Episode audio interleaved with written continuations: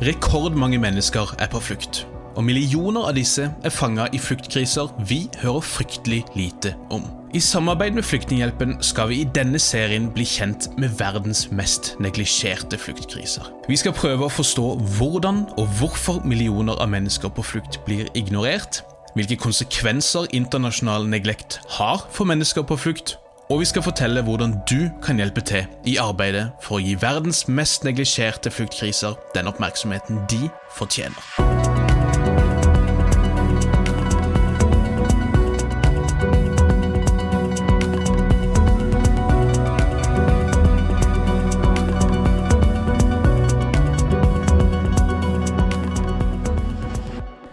Ja, hei og hjertelig velkommen til tredje og siste episode av vår lille podkastserie 'Verdens mest neglisjerte fluktkriser'. Mitt navn er fortsatt Bjørnar Østby, og også i dag så har jeg fått med meg ekspertise fra Flyktninghjelpen.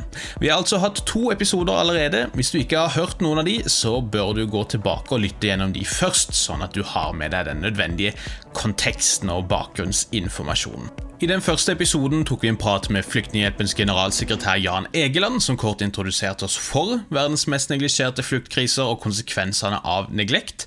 I episode to prater vi med Tiril Skarstein, som er prosjektleder for denne lista over de mest neglisjerte fluktkrisene, hvor hun introduserte oss for disse tre forskjellige aspektene som til sammen utgjør problemet kan vi si, for disse neglisjerte krisene, nemlig mangel på medieoppmerksomhet, mangel på politisk vilje eller handling og mangel på økonomisk støtte.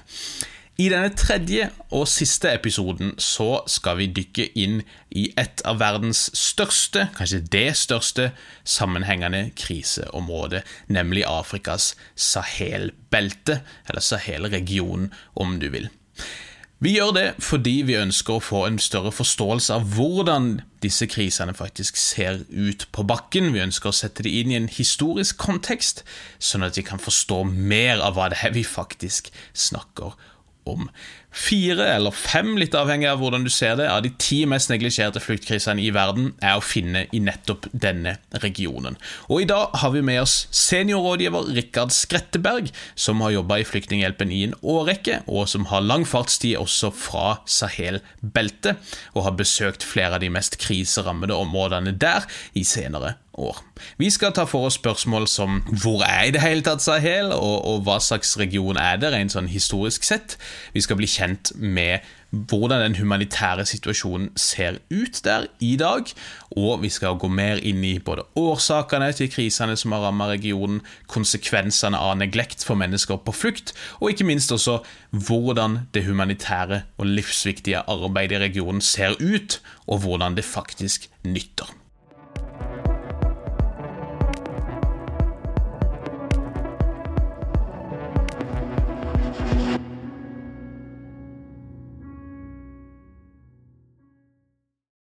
I dag er det en glede å få introdusere seriens siste gjest, nemlig seniorrådgiver i Flyktninghjelpen, Rikard Skretteberg. Hjertelig velkommen skal du være, Rikard. Tusen takk. Takk for at du er med. Etter det jeg har blitt fortalt, så er jo du en av de ansatte i Flyktninghjelpen som har lengst fartstid i eh, organisasjonen. Og så ble det nevnt sist uke av Tiril at du langt på vei er opphavsmann, eller en av pådriverne for dette begrepet neglisjerte kriser. Så jeg lurte på, før vi går inn i, i, dagens tema, om vi kan starte med å høre litt bare om din rolle i Flyktninghjelpen, og, og hvordan du har jobba opp mot disse neglisjerte krisene. Ja, jeg begynte i Flyktninghjelpen i 1994 etter å ha jobbet i flere år som lektor og frilansjournalist. Eh, som journalist så dekket jeg mange konflikter eh, rundt omkring i verden. Og flere, over flere anledninger så traff jeg Flyktninghjelpen i felt. Mm. Uh, og det gjorde at jeg fikk uh, Eller jeg ønsket å lære mer om de humanitære konsekvensene av all den volden og de væpnede konfliktene som jeg skrev om i diverse avisartikler osv. Så, uh, når jeg da begynte i Flyktninghjelpen, så drev jeg veldig mye med informasjonsarbeid i begynnelsen. Og leda arbeidet og skrev også mange ulike publikasjoner temahefter og flyktningregnskapet, neglisjertlisten etter hvert, og diverse fagartikler om humanitære kriser både i Asia, Afrika, Europa og Latin-Amerika. Mm. Og De siste fem-seks årene har jeg jobbet mye og skrevet en del om Sahel-området, som vi skal snakke om i dag. Men det siste året har jeg faktisk i stor grad brukt til å skrive om Flyktninghjelpens 75-årige historie sammen med en kollega. Så vi har jo faktisk en feiring eh, i år. Eh, vi startet i 1946 og har altså rukket å bli 75 år. Vi, vi, må jo gratulere nok en gang med det. Det er jo et stort år, absolutt. Og som dere pleier å gjøre, så har dere jo da altså også i sommer publisert en liste over verdens ti mest neglisjerte fluktkriser. Eh, og det er en liste som du har vært med på å, eh, å sette i gang, så vidt jeg har forstått?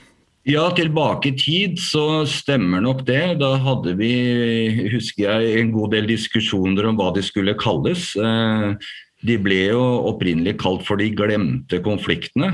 Mm. Eh, jeg protesterte litt mot det, fordi jeg mente at dette hadde ikke noe med hukommelsestap å gjøre. Det hadde vel mer med prioriteringer eh, mm. som politikere og andre foretok. Mm. Eh, så etter vi hadde hatt en del diskusjoner om dette her, så endte vi opp med å kalle det neglisjerte konflikter. Vi skrev også en del temahefter om konflikter som eh, i Vest-Sahara f.eks., Bhutan-flyktningene osv. Dette var jo eh, kriser, humanitære kriser som mange kjente ikke til i det hele tatt. Til og med blant eh, politikere høyt opp i systemet var dette relativt ukjent. Så behovet for informasjon var der helt åpenbart. Mm, mm. Og, og, i dag så ønsker vi jo å gå litt mer konkret til verks enn det vi har gjort i de to foregående episodene, ved å, ved å skal vi si, fordype oss litt i én region som, som, er spesielt sårbar og skal vi si, kriseramma. Vi har jo allerede snakka om det faktum at åtte av ti av de mest neglisjerte krisene som er på Flyktninghjelpens liste i år, de befinner seg i Afrika. Og av disse så befinner fire eller fem av de, avhengig av hvordan du definerer det, seg i dette området som vi gjerne kaller Sahel, eller Sahel-beltet. Og det er denne regionen vi ønsker å dykke litt inn i i dag. Det er som du sier en region du har eh, mye erfaring fra, og som du har jobba mye i og med. Eh, og derfor så er det jo perfekt å, å ha med deg i dag for å kunne gjøre våre lyttere litt mer kjent med denne regionen. Eh, og vi må jo på en måte sørge for at vi har med oss lytterne helt fra start her. Så kanskje vi kunne starte med å bare prøve å plassere Sahel eh, skal vi si geografisk først, kanskje, og deretter litt mer samfunnsmessig. Hva slags område snakker vi om? Hvor, hvor i verden er vi når vi snakker om Sahel? Rikard? Ja, Sahel eh, er et belte som går tvers over det afrikanske kontinentet, rett sør for Sahara. Det går egentlig fra Atlanterhavet i vest til Rødehavet i øst. Eh, navnet har det etter det arabiske ordet for kyst, og det er det mange som lurer litt på. Dette mm. forbinder man jo med ørken osv. Mm. Men det gir en mening eh, hvis vi tenker på Sahara da, som et hav av sand. Og eh, kameler kalles jo også ørkenens skip, så vi får se det med med afrikanske øyne, og så blir det litt mer forståelig. Uh, I uh, de nordlige områdene da, som ligger lengst eller tettest opp mot uh, ørkenen, altså mot Sahara, så er det jo veldig tørre steppeområder. veldig marginale områder, og her bor det stort sett kvegnomader. Mm. Som reiser fra sted til sted med, med, med sine dyr. Eh, lenger sør så er jorda mer fruktbar, eh, spesielt når vi kommer nedover i elveleiene. Elvene spiller jo en stor rolle her. Elven Niger f.eks. Vi har jo Gambia og Senegal som også er elver, og eh, navn på stater også. Men um, i disse områdene lenger sør så er jorda mer fruktbar, og man har hatt i hvert fall mer regelmessig nedbør. Ehm, dette beltet som vi kaller Sahel, følger ikke nødvendigvis eh, altså grenser mellom stater. fordi F.eks. et land som Nigeria er det jo bare Nordøst-Nigeria eh, som er en del av Sahel. Mm. Men stort sett så kan vi jo si at Sahel omfatter da land som Senegal, Mauritania, Mali, Burkina Faso, Niger, Nigeria, eller deler av Nigeria, deler av Kamerun, Tsjad, Sudan og Eritrea. Så det er mange land som er Kjennetegnet med mange av dem er jo at de er svært etnisk sammensatt. Mm. Eh, og at eh, dette er et område eh, som har vært lite kjent. Ikke minst også i Norge. Også det tradisjonelle koblingen Norge-Afrika har jo vært det sørlige Afrika og, og Øst-Afrika. Mm. Både Vest-Afrika og ikke minst Senegal er jo noe som har dukket opp mye seinere. Eh, faktisk etter 2010 i stor grad. Eh, og Norge har jo bare for noen år siden laget et egen strategi for Sahel. Og det viser jo at man begynner å få øynene opp for hva som skjer der. Eh, også fordi at det som skjer i Sahel har store konsekvenser også for Europa, som utviklingen har vist. Mm. Men Afrika er Afrika i den forstand at kunnskapene om hva som skjer, veldig ofte er fraværende. Mm. Eh, også i media f.eks. De afrikanske konfliktene har liksom sjelden en historie, sjelden en bakgrunn. Det er liksom primitiv vold vi hører om. Mm. Eh, sånn at jeg håper at vi skal få komme inn på og trekke noen linjer da, for å prøve å forstå litt nærmere hva er det som skjer. Og Det første man i hvert fall kan begynne med, er jo at disse, dette området har en historie. Ja. Det hadde også en historie før koloniseringen slo eh, rot. Eh, og et viktig trekk i dette området var jo framveksten f.eks. av islam som religion. Og Der er det et stort skille mellom det som skjedde i Nord-Afrika og det som skjedde sør for Sahara. Eh, I Nord-Afrika så eh, var islams frammarsj et resultat av erobringstokter og arabisk innvandring. Mens det sør for Sahara, altså det området vi snakker om nå, på en måte vokste seg litt fram gjennom århundrene. Gjennom handel, gjennom kulturutveksling og ikke minst at uh, en del fra Nord-Afrika uh, reiste gjennom Sahara, fikk jobber i disse uh, afrikanske kongerikene som eksisterte. Det var jo flere store riker som vokste fram på 1200-, 1300-, 1400-tallet i Sahel. Mm. Mali-riket var ett eksempel, som da strakk seg faktisk 2000 km fra kysten og inn i landet, altså et svært eh, kongerike. Eh, dette området hadde jo eh, masse gull, og, og, Mali ble både i Midtøsten og andre steder i verden sett på som et rike med ubegrenset rikdom. Og eh, Den kjente kongen da, Mansa Mosa, når han la ut på sin pilegrimsferd til Mekka i 1323, så hadde han med seg 20 000 mennesker, og deriblant mange slaver, og store mengder gull som han da delte ut på veien både til Mekka og på veien tilbake. og det førte jo til enorm inflasjon da, i, i Midtøsten på, mm. på, denne tiden. Mm. uh, så uh, generelt sett så kan man jo si at uh, man handlet med hverandre, eller man handlet eh, med eh, områdene nord, altså på den andre siden av Sahara. Så man hadde et slags fellesskap. Og disse eh, eh, muslimske skriftlærde spilte en stor rolle.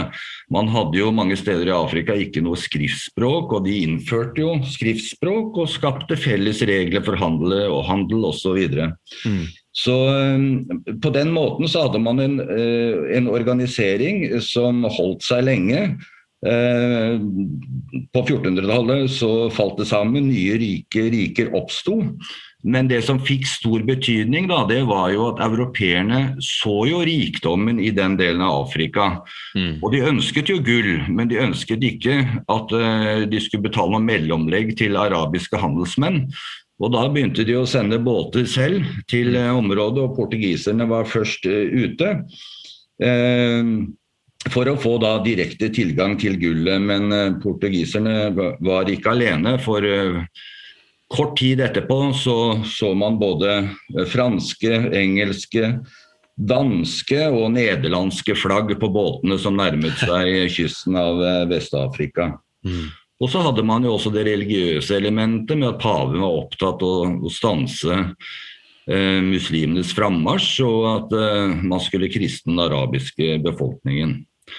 Så man hadde jo da en allianse av Gud og mammon på en måte mm. fra, fra, fra Europas eh, side, europeisk side. Eh, og vi vet jo etterpå hvordan utviklingen eh, ble med kolonitiden og med kampen om Afrika, eh, hvor Sahel også absolutt var en del av det bildet. I, de, i Sahel-området var det jo stort sett Frankrike som skaffet seg kolonier, men også England, mm. sånn som f.eks. Nigeria. da. Eh, Tyskland, Kamerun, Portugal hadde jo Guinea-Bissau, så det var en kamp mellom disse ulike maktene.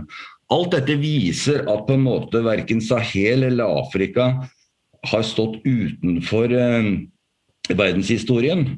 Eh, det som er litt synd, er jo på en måte jo at, at eh, Afrika, som egentlig var relativt isolert eh, allikevel. Man hadde jo ikke så mye stor eh, samhandling med Asia f.eks., sånn som Europa hadde, bortsett fra deler av østkysten av Afrika. Eh, så, så, så, var man relativt isolert, og man fikk jo da et slags brutalt førstemøte med Europa. Mm. Eh, som nok eh, også har farget deres holdning eh, i, i, i, tiden som har eh, gått, og som farger eh, politikken fremdeles når det gjelder f.eks. skepsisen til internasjonal intervenering osv. Mm. Ja, og der er det jo nettopp den tidligere kolonimakta Frankrike som, som, langt på vei står i bresjen. Det, det, kan vi jo komme tilbake til. Men jeg tror det er utrolig viktig å, å, å starte med, som du sier, å rett og slett få plassert denne regionen inn i en skal vi si, global historisk kontekst. Kanskje hadde man en større bevissthet egentlig for, for flere århundrer siden om Sahels rolle håper jeg, internasjonalt enn det vi har i dag. Det kommer jo til å bli en del si, krisesnakk og, og elendighet, og, og, derfor er det viktig å vise at dette ikke har vært normalen, og at det ikke nødvendigvis er business as usual, og at vi i hvert fall ikke bør akseptere at en, en region kan bare reduseres til si, kriser og elendighet, men, men, eh, men, vi må nå en gang snakke en del om de også. For på årets liste over verdens mest neglisjerte fluktkriser så har vi jo fire eller fem stater i Sahel, avhengig av hvordan vi ser det. Dette er jo da Mali, Burkina Faso, Nordøst-Nigeria, eller Nigeria som sådan egentlig, og Kamerun. Og så kunne vi kanskje lagt til også Den sentralafrikanske republikk delvis, da, eller nordlige, nordlige deler av Den sentralafrikanske republikk. Men i tillegg til disse statene så opplever jo også Niger og Tsjad. Eh, store uroligheter, stor nød og, og, sine respektive kriser. Så dette er en region som i dag ikke håper å si, bærer det samme preget av glanstider, for å si det mildt. Eh, og jeg tenkte for å bare prøve å illustrere litt hvordan dagens situasjon er, før vi prøver å spole tilbake for å se hvordan det har blitt sånn, så kan vi jo gå inn i noen av de, de ferskeste tallene som, eh, som UN-OCHA, eller FNs kontor for koordineringen av humanitær innsats, har om Sahelen. Dette er da fra april 2020. 21. Og Disse tallene gjelder jo da for land som Mali, Burkina Faso, Niger, Nordøst-Nigeria, Nord-Kamerun og, og Tsjad. Og Da er det altså bare Tsjad og Niger som ikke er, er på Flyktninghjelpens liste her. Um, hvis vi ser på disse tallene, så rapporterer Ocha at i 2021 så er det rekordmange 29 millioner mennesker i Sahel som trenger humanitær assistanse og beskyttelse. Av disse så tar man sikte på å nå ca. 21 millioner. Eh, over 5 millioner mennesker er fordrevet totalt i regionen. Av de er vel noe sånn som 4,4 millioner fordrevet innenfor egne grenser, mens 900 000 ca. er fordrevet over internasjonale landegrenser. 14 millioner, eh, og da er det inkludert hele beltet, altså helt vest til Mauritania og, og Senegal, opplever alvorlige former for matusikkerhet. 1,6 millioner barn er alvorlig underernært. Og, og, dessverre så bærer jo barn byrden på andre måter også, for det rapporteres om at nesten 5000 skoler er stengt eller ikke operative, mye pga. de væpna konfliktene i regionen. Og, og hvis vi bare tar bitte litt tid til å se på sikkerhetssituasjonen også, så er jo den særdeles alvorlig. Um, Ocha melder om gjennomsnitt 300 sikkerhetshendelser altså væpna angrep av eh, forskjellig sort per måned i 2020, i gjennomsnitt i disse statene. Eh, de melder om en åttedobling av antall voldelige angrep av væpna grupper i Mali, Burkina Faso og Niger mellom 2015 og 2020, og en tredobling i området rundt Tsjadsjøen i, i, samme periode. Det er jo på en måte disse to kanskje hotspotene for, for konflikt man ser i dette grensetriangelet med Mali, Burkina Faso og Niger, hvor grupper som Jenim tilknyttet Al Qaida er aktive, og grupper som Den islamske stat i Stor-Sahara, og rundt Tsjadsjøen, hvor, hvor, Boko Haram og, og utbryterfraksjonen IS i Vest-Afrika eh, har herja i en årrekke. 2020 ble meldt å være det dødeligste året i nyere tid for sivile i Sahel, ifølge dataen til uh, The Armed Conflict Location and Event Data Project, med minst 2400 sivile drept i Burkina Faso, Mali og Niger. Mm, sivilbefolkninga, som vi kan komme tilbake til, står jo i en fryktelig vanskelig situasjon, hvor de er fanga mellom forskjellige væpna grupper, lokale militser, um, nasjonale, regionale, internasjonale styrker. Uh, og, og dessverre og ironisk nok, så, så, har i hvert fall i 2020 etter sigende flere sivile blitt drept av sikkerhetsstyrker heller enn av ekstremister i, i disse jihadistfraksjonene. Denne regionen er jo ikke akkurat neglisjert militært, får vi kanskje si. Per dags dato er det vel over 20 000 internasjonale styrker i Sahel. Noe sånn som 13 000 FN-soldater, ca. 5000 regionale styrker fra naboland og et tusentalls franske, europeiske og, og, til dels amerikanske soldater i området. Men humanitært så er jo neglekt fortsatt den røde tråden. Eh, I gjennomsnitt så har den humanitære dekninga vært på rundt 50% 53% i fjor, så vidt jeg så. Til nå i år, i april, så er man på, på 9 av, av den dekninga som trengs for regionen. Dette vil jo øke, men, men, eh, men behovene er fortsatt veldig store, og gapene er desto større. Pengene man ser for seg trengs til disse statene som Ocha nevner, de er på 3,7 milliarder dollar. Eh, det er nokså nøyaktig 30 milliarder kroner, ca. prisen av et nytt regjeringskvartal her i, eh, i Oslo. Og I tillegg til dette så er jo det humanitære rommet også krympende pga. Eh, sikkerhetssituasjonen. Og, og, og, man anser at en tredjedel av alle bortføringer av hjelpearbeidere i 2020 fant sted i Mali, Burkina Faso og Niger. Dette er jo dystert eh, og ikke veldig hyggelig lesning akkurat, Rikard. Men er dette håper jeg, unikt for den siste tida? Er dette noe vi har sett over lengre tid? Og hvor bør vi eventuelt starte, tenker du, sånn historisk, for å, å, forstå hvordan vi har kommet til en situasjon så alvorlig som den regionen står i i dag? Ja, altså At det har vært kriser og at det er kommet og gått kriser eh, i denne regionen, eh, det er et faktum. Eh, allikevel så vil jeg jo si at dette siste tiåret har vært spesielt eh, dramatisk eh, mm. av ulike grunner. Vi ser nå en region som har ekstremt store utfordringer. Det har alltid vært et fattig område, og det er absolutt et av de mest sårbare områdene i hele verden. Det er utbredt organisert kriminell virksomhet, f.eks. Mm. Eh, disse jihadistgruppene som du var inne på. Eh, en ekstremt stor befolkningsøkning. Eh, denne sikkerhetssituasjonen som forverres. Eh, men jeg tror altså de grunnleggende tingene her er at i denne delen av Afrika, til tross for maleriket jeg var inne på, så er det også et viktig trekk at dette er eh, områder med liten befolkningskonsentrasjon, stort mm. geografisk område og liten tilstedeværelse av en stat.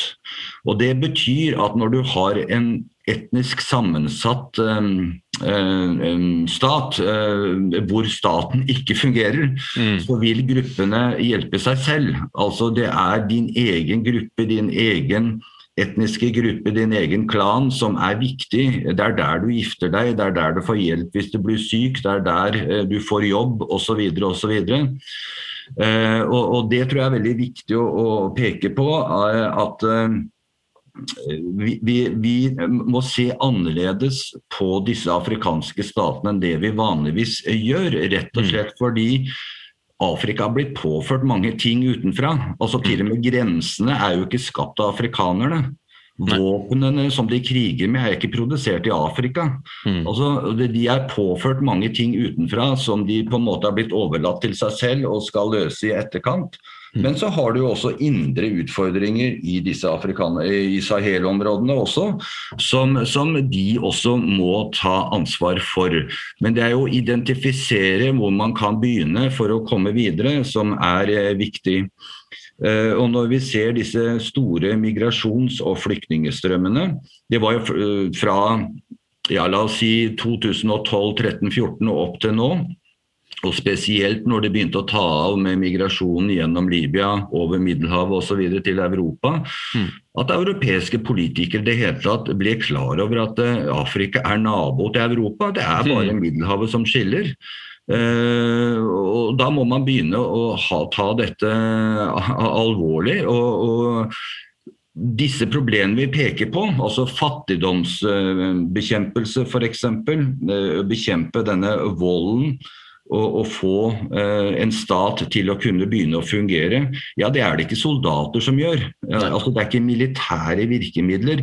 Det kan være nødvendig i en periode når ting har kommet for langt, men å løse de grunnleggende problemene det er ikke et militærapparat som kan gjøre. Det er helt andre ting. Det, det er politiske grep eh, som må tas.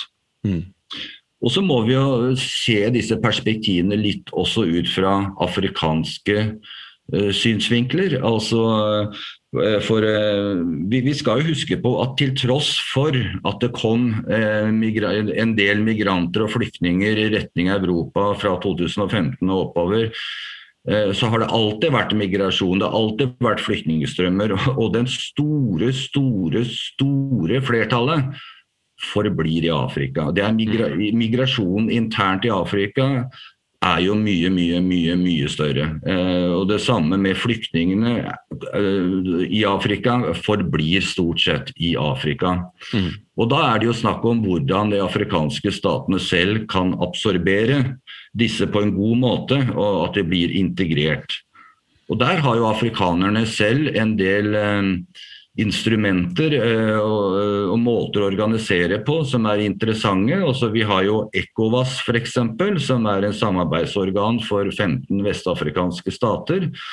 Uh, hvor man har økonomisk samarbeid, hvor man prøver å åpne grensene for flyt av mennesker og varer osv. Den afrikanske union, som da kom Eh, i 2002, eh, som var da en nyskapning etter OAU, Organisasjonen for afrikansk enhet, mm. som var oppretta i 63. Eh, er også, altså, hvor alle de afrikanske statene er medlemmer, det er også veldig viktig. Og de har jo også fredsbevarende styrker uh, for, for, å ta vare på egen uh, eller sikkerhet i, i, regionen. Det er faktisk noe de, de satser mer og mer på. Uh, og de har jo også gått vekk fra det prinsippet som Afrikanske unionen hadde fram til 2002 om ikke-innblanding. Nå mm. har man gått vekk fra det. Nå, nå ser man behovet for å, å, gripe inn hvis sikkerheten alvorlig er truet, eller at eh, de humanitære konsekvensene er ekstremt store. Og de har også en irettesettende pekefinger når det foreligger eh, altså kupp f.eks. og illegitim maktovertagelse osv. Mm. Og de hadde jo vært mange av i, i, nettopp denne regionen, får vi si. Nå har det jo akkurat vært et, et, nytt slags kupp innad i et kupp i Mali, som, som, på en måte ikke gjør det lettere nødvendigvis heller for, for internasjonale aktører å, å navigere rent sånn politisk og med hvem man skal kanalisere nødhjelp gjennom.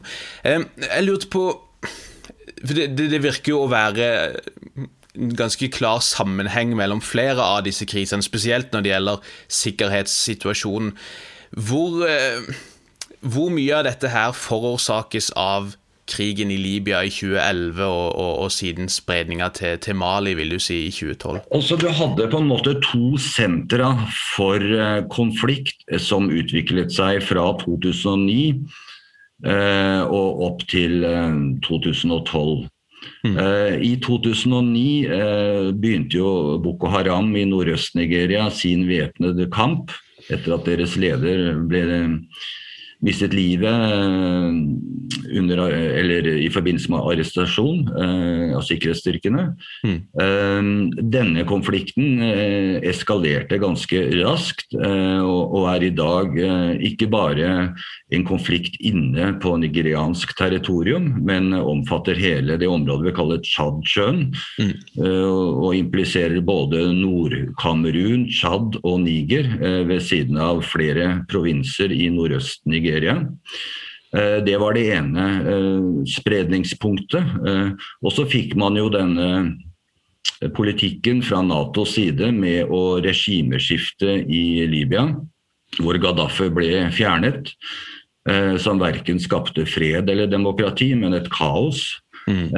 Og hvor store strømmer av folk som hadde jobbet i Libya, flyktet, også fordi det var en god del rasistiske eh, tiltak eh, som rammet disse eh, afrikanerne. Eh, eh, og, og, mange dro da tilbake til Mali. en del av dem hadde arbeidet i det militære i Libya, tok med seg våpnene og dro tilbake til Mali. De ble ikke stoppa på grensa, fratatt våpnene. Der var Niger litt flinkere. De gjorde i større grad det. Men i Nord-Mali så eh, fikk du da, uh, etter dette sammenbruddet i Libya, uh, stort tilfang av våpen og, og, og folk. og da, og da førte jo dette til at i Mali hadde man jo da over lang tid hatt en ulmende konflikt, og det har man hatt i mange tiår, mm. mellom kvegnomadene, kamelnomadene i, eh, i nord, tuaregene, eh, som ønsket en selvstendig stat, Asawad, eh, og startet et opprør. Samtidig hadde du i Nord-Mali grupper, eh, jihadistgrupper, som hadde tapt borgerkrigen i Algerie. Mm. Eh, de vant jo faktisk valget i Algerie på 90-tallet, men eh, det ble underkjent. Eller de, de, de, de, fikk ikke lov til å, å, mm. å fungere politisk. Eh, og førte da til væpnet konflikt. De slo seg ned, eh, mange hadde slått seg ned i Nord-Mali. De drev planmessig rekruttering, bygde lokale allianser, giftet seg lokalt osv. Og, så og fikk en maktbase etter hvert. Mm. Og de tok jo over eh, og klarte å skvise eh, tuaregene på en måte som en avgjørende kraft i det opprøret. Eh, og i 2012 var jo Mali egentlig delt i to, eh, før da franskmennene og senere FN grep inn militært. Mm. Og Siden da så har jo denne konflikten eh, utviklet eh, seg. Vi ser ikke noe militær, Det er jo ingen militær løsning på dette her heller. Nei. Og istedenfor å skape en slags fred og, og, økt sikkerhet, så ser vi at også den konflikten eh, spredte seg da nå inn i Niger, Eh, inn i Burkina Faso osv. Så, videre. så det er liksom det som skjedde i Mali eh, i 2000, eh, eller etter, eh, etter Gaddafis fall, eh, og, og, og, alle disse for, forsyningene som kom da inn over landets grenser fra Libya, førte jo da til dette opprøret. Mm. Så det er Nordøst-Nigeria og Nord-Mali det var jo der på en måte eh, disse store, eh, nåværende, pågående konfliktene har sitt utspring.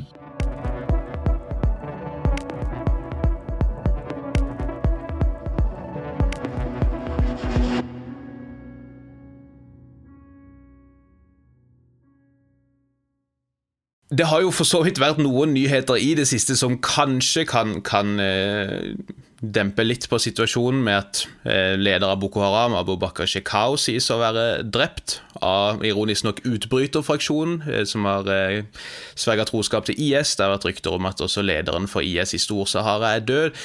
Eh, men, men, det er vel ikke noe videre håp om at situasjonen roer seg med det første av den grunn. Men jeg, jeg tror vi, vi, bør kanskje prøve å, å som ser, går enda mer inn i det, det, menneskelige aspektet her. Nå blir det ganske overordna, det blir mye tall og sånt, men du har jo besøkt mange av disse områdene, og, og du har vært i Nordøst-Nigeria, hvor nettopp Boko Haram og IS i Vest-Afrika har eh, vært aktive nå siden 2009, med voldsomme konsekvenser og kostnader for de sivile. Da du var i Nordøst-Nigeria sist, eh, hva, hva, er det som møter deg der, holdt på å si, og, og hva slags konsekvenser er det denne væpna konflikten rent sånn konkret får for lokalsamfunn i disse områdene? Ja, Situasjonen eh, oppe i Nordøst-Nigeria er eh, dramatisk. Når jeg var der, så uh, husker jeg tallet 800 000, uh, og det er mange mennesker. Uh, og, og det var mennesker som var utilgjengelige. Ja. Altså, det var mennesker som man visste var der, men som ingen visste hvordan de faktisk hadde det. Eller som kunne få hjelp i det hele tatt. Mm. Og i disse områdene så er Altså, folk har ingenting. Mm. Det eneste de har med seg når de flykter, er sine egne traumer. Mm. Altså, de har ikke Mange av dem har jo ikke sine papirer, de har ikke mat, de har ikke vann. Eh, jeg husker jeg pratet med en eldre dame, hun var faktisk 75 år. Eh, hun bodde i en landsby kontrollert av eh, jihadistgrupper. De var veldig kontrollert. De fikk ikke lov å forlate landsbyen hvis de ikke hadde med seg en soldat. De ble slått, det var sharia eller Eh, lover. Folk ble tvunget til å se eh, lemlestelse av eh, mennesker som hadde stjålet eller eh, ja, drukket alkohol, eller alle de tingene som var forbudt. Eh, hun hadde allikevel gått ut fordi hun måtte ha ved eh, og blitt oppdaget mm. og mishandlet, og på nytt klarte å rømme. Og da hadde hun altså i jeg tror det var to uker hadde hun faktisk overlevd på insekter. Dette var jo en gammel dame. Hun, hun, altså hun drakk vann og, og, og, og spiste insekter i, i, 14 dager.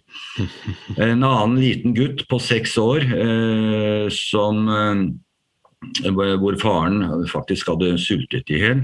Eh, moren hadde flyktet sammen med de andre søsknene. Han hadde blitt igjen hos faren, og faren døde senere av sult. Angrepet kom. Eh, han måtte flykte sammen med en mann eh, som skulle ta seg av han, som ble drept.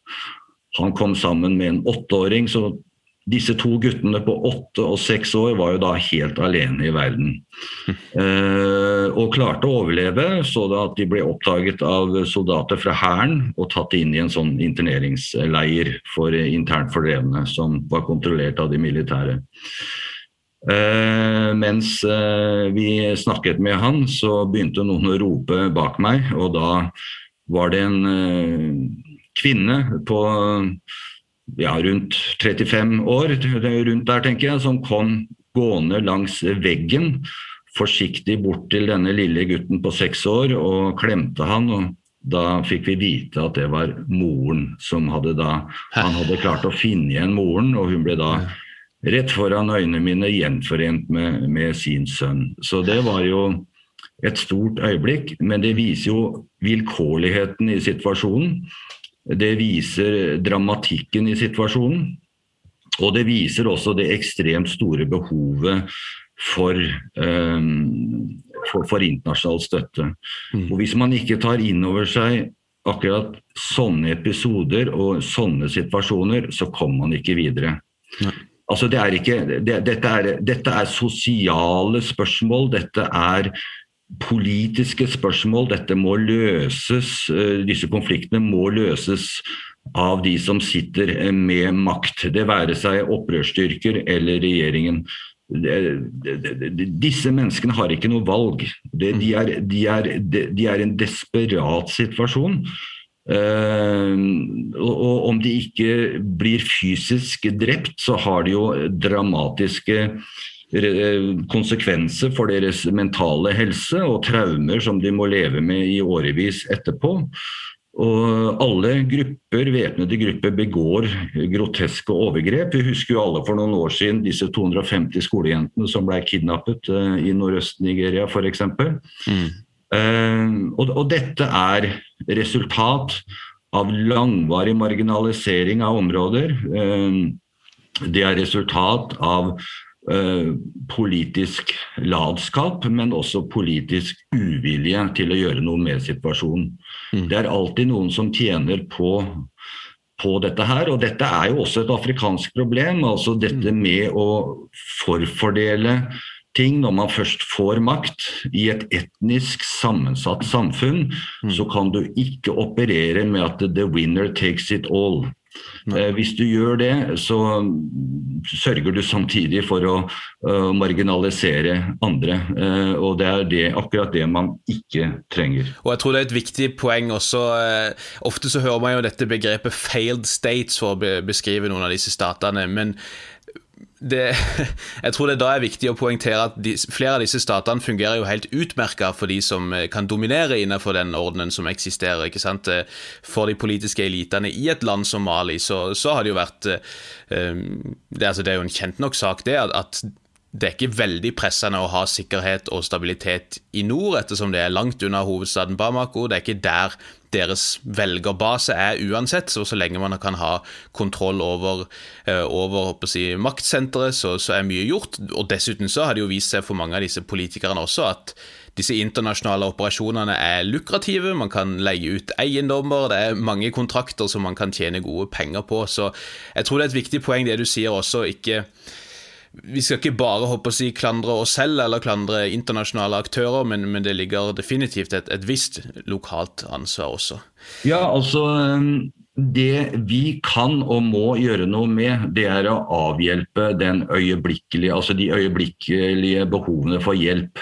Mm. Eh, og, og, hvis man skal komme videre, så er jo fred et grunnleggende altså Det, det må skapes. Uten fred, ingen utvikling, mm. ingen framgang. Mm. Uh, og befolkningen ønsker det. Eh, det er ikke de som kriger. Uh, og de som lar seg rekruttere, så er det ut fra en desperat situasjon hvor du ikke har alternativer. Mm. Og det vet også de som rekrutterer barnesoldater f.eks. at Eh, og det er, noen melder seg frivillig pga. en ekstrem situasjon. De er eh, kanskje mistet foreldre, de har ingen framtidsmuligheter. Og de ser for seg at når de får et våpen i hånden, så får de også makt.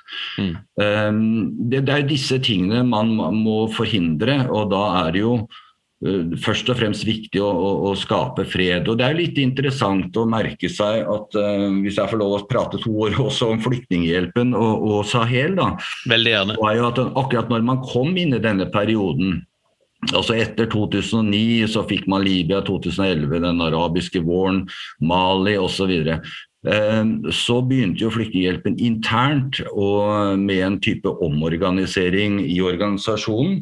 Eh, hvor man, ønske, hvor man, ønsket å styrke nødhjelpskapasiteten. Det startet i 2011. Eh, og man eh, opprettet også et eget nødhjelpsteam kort tid etter, og som da reiste til Sahel. Dette var jo også et relativt nytt område for Flyktninghjelpen.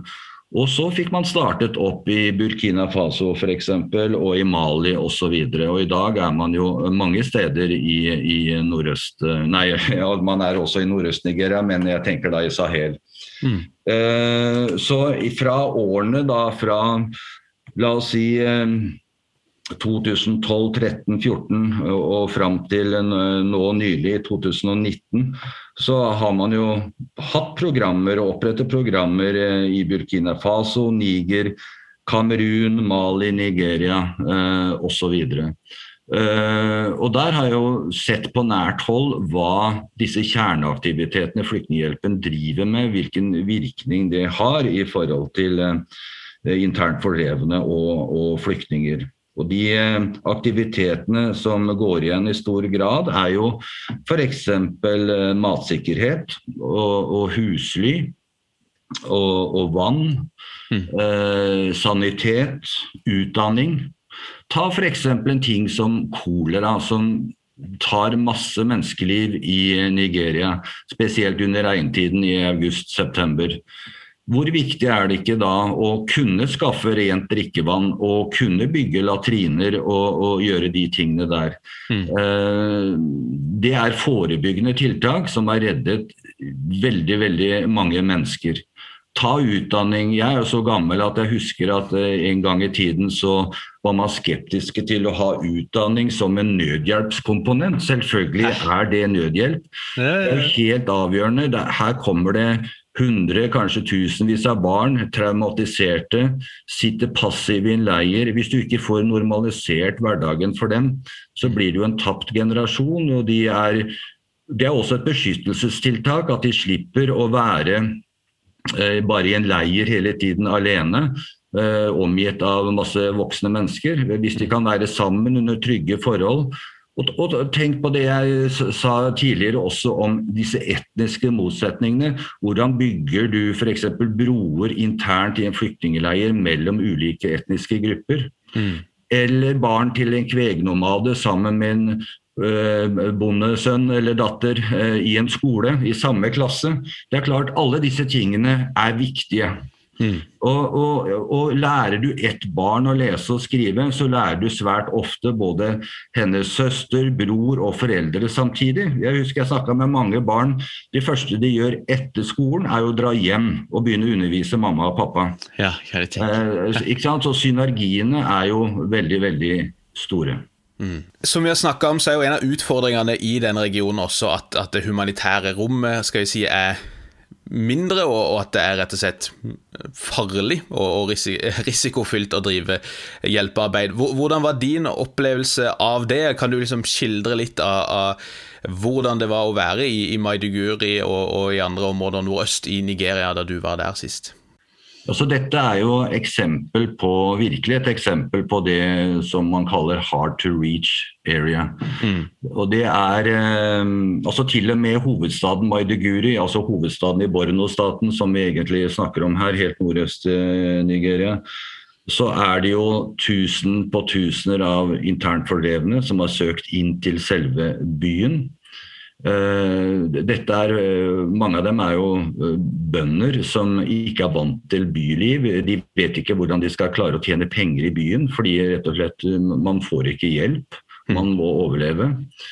Man blir stadig stoppet av veisperringer fordi politiet er redd og vil hindre selvmordsbombere å ta seg inn i, i bysentra osv.